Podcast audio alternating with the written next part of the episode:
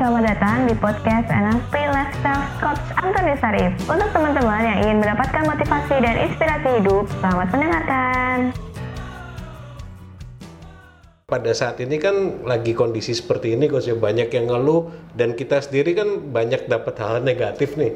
Nah banyak teman-teman juga udah mau mulai ada sisi kreatif keluar mereka mau jualan mau segala macam terkena imbasnya Coach. Imbasnya bukan apa imbas pikiran negatifnya Coach. Pikiran negatif, Nah betul. kalau secara NLP gimana nih bisa nggak kita ngeblok hal, hal seperti itu untuk Hmm. memotivasi kita untuk lebih maju lagi Coach? Oke, ini pertanyaan yang bagus nih Pak Michael. Jadi gini gambarannya ya. Sebelumnya saya kasih gambaran dulu. Kenapa sih orang bisa eh, down atau cemas atau em, ya cemas lah ya, cemas, Galau khawatir, gitu ya, takut jadi atau galau, apa pun. takut gitu ya. Itu karena pada dasarnya setiap manusia sudah punya harapan.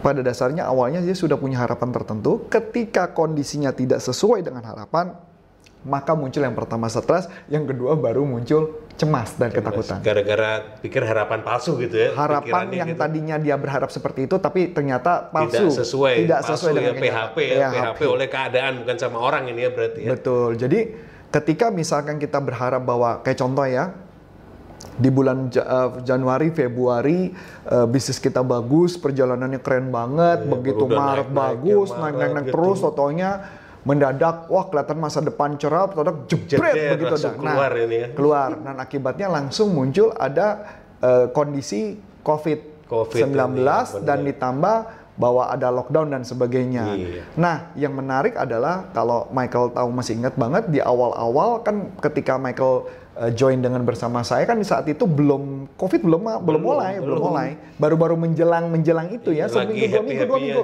happy happy jualan Happy trending jualan. ini Ah, ah. trending sampai ada kita mau ada nasional segala macam udah banyak yang beli itu kan Nah, nah ketika ada jebret kondisi itu, itu yang membuat saya juga sempat kaget, shock karena di luar dugaan saya dan akhirnya sempat membuat saya stres.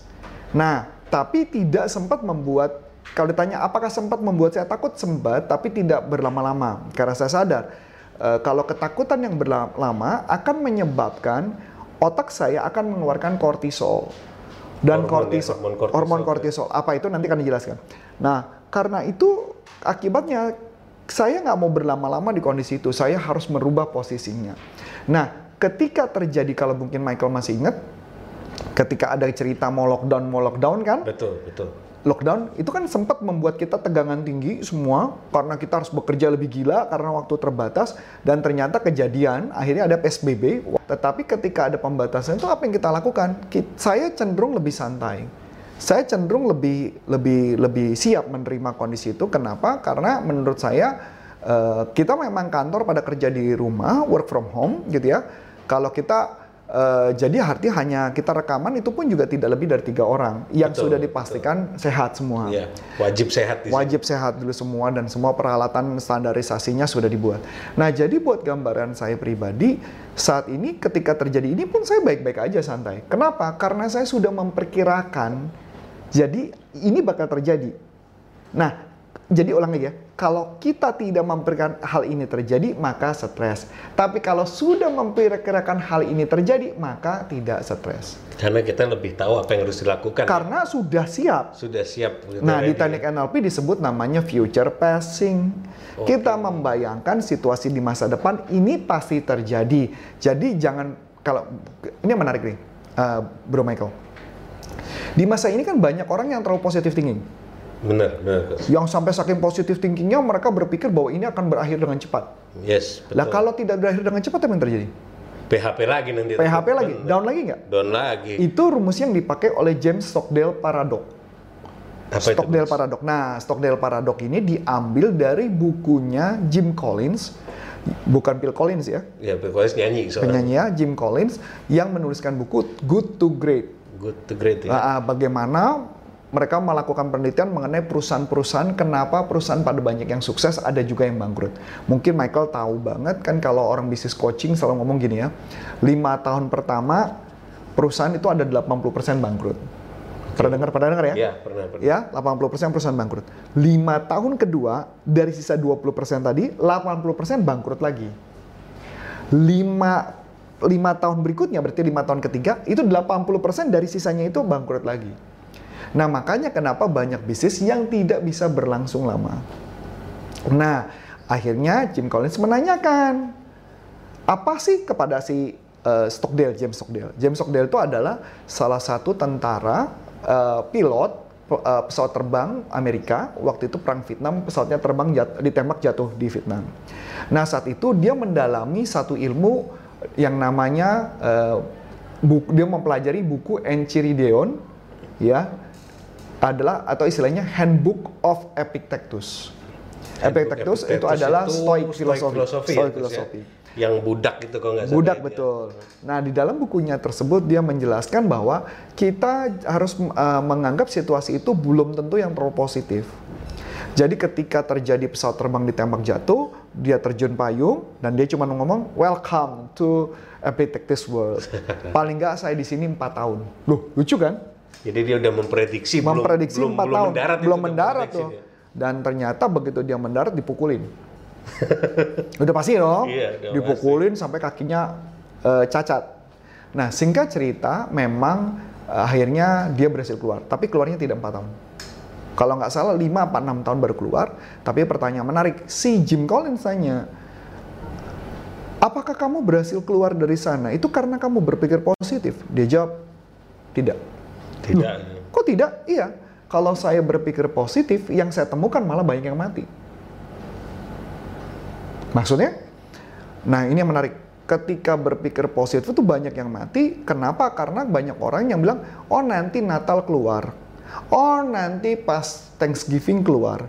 Oh tahun baru keluar dan ternyata tidak pernah keluar dan tetap di penjara. Ya, persis keadaan sekarang ya. Persis keadaan Ada sekarang. upload di medsos nanti akhir April berhenti gitu. Ah, iya. Akhir Maret berhenti. Sekarang juga kan kita nggak pernah tahu ini. Angkanya makin naik kok. Angkanya makin naik malah iya. sekarang iya. ya. Saat video ini dibuat ya. Nah, saat video ini dibuat ya. Jadi kalau buat saya pribadi itu yang terjadi dan akhirnya dia berhasil keluar. Nah jadi dia bilang jadi jawabannya apa? Kunci cuma satu boleh berpikir positif, tetapi harus dilandasi dengan realita. Oh, harus realitanya ya. Realita dulu. Jadi realitanya apa, baru berpikir positif dari realita itu. Jadi dia berpikir positif ya, iya saya pasti akan keluar. Tapi nggak tahu kapan, saya akan keluar. Sama dengan kondisi ini.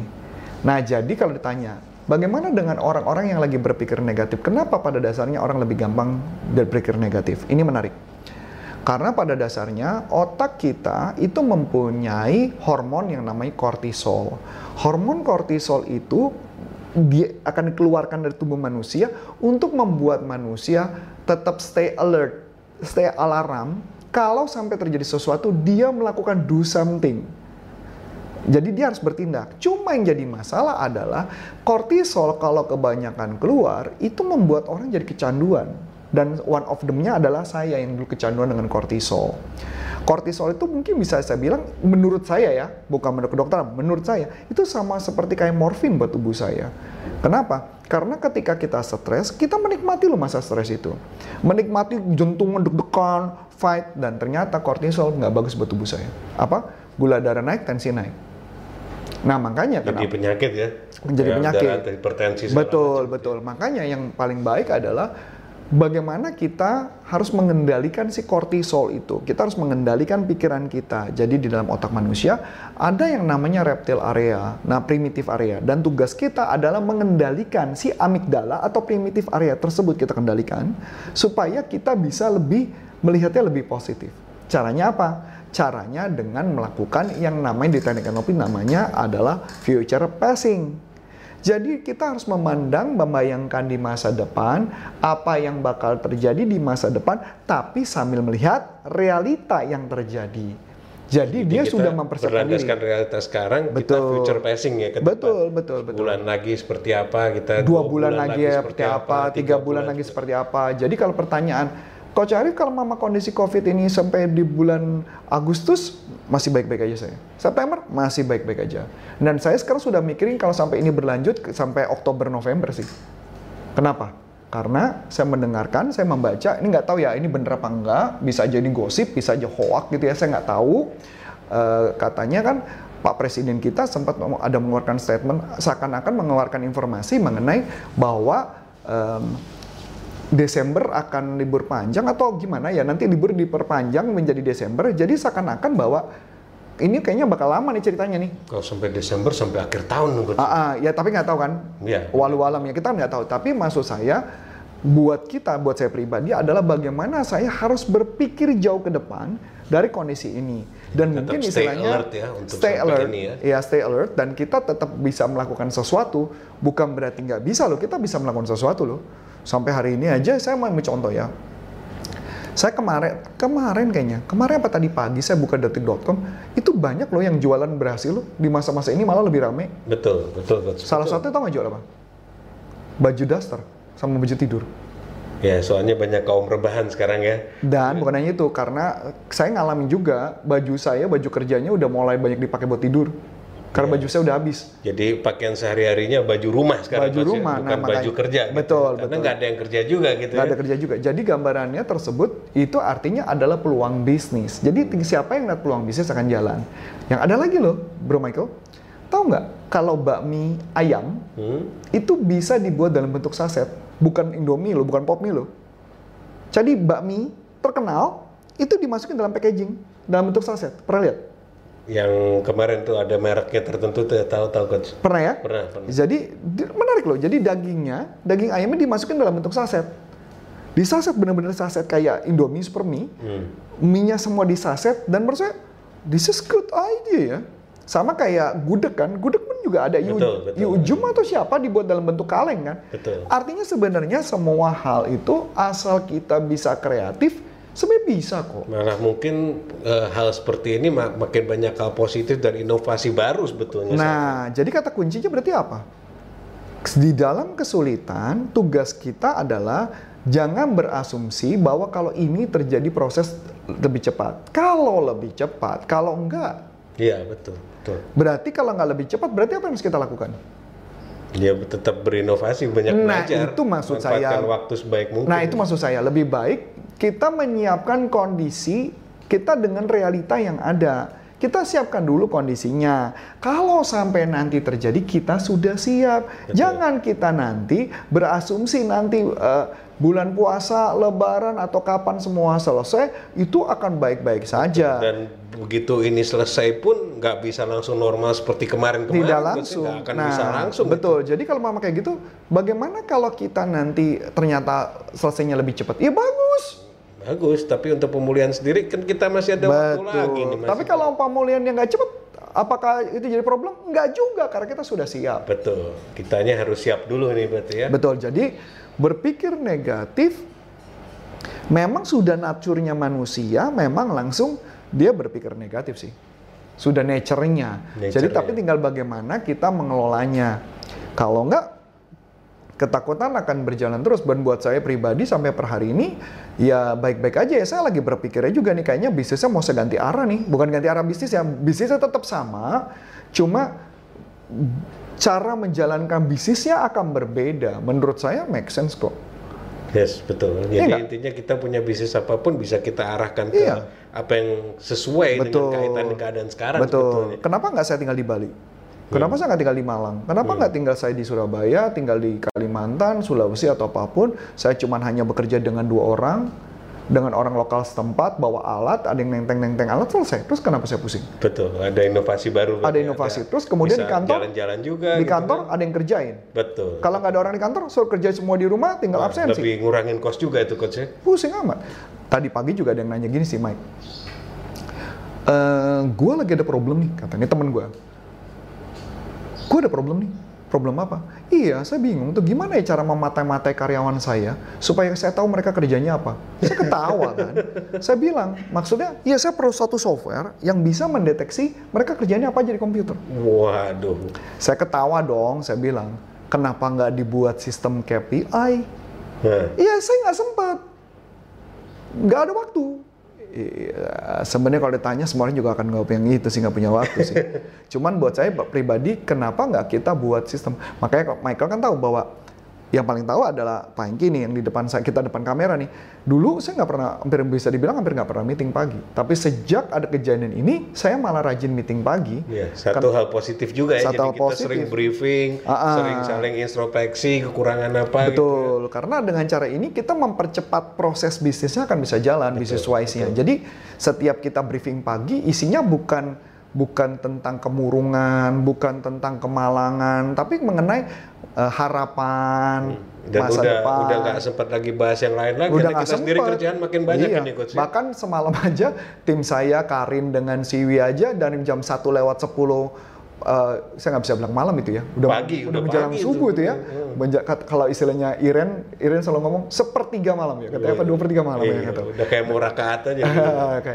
Jadi maksud saya ini dalam konsep ini menunjukkan bahwa ini loh bahwa kita bisa melakukan sesuatu loh. betul. betul. Bahkan kayaknya Karin semalam tidurnya mungkin bukan jam satu lewat, malah udah lebih lewat karena kayaknya dia siang ini udah udah tepar dia tadi kontaknya.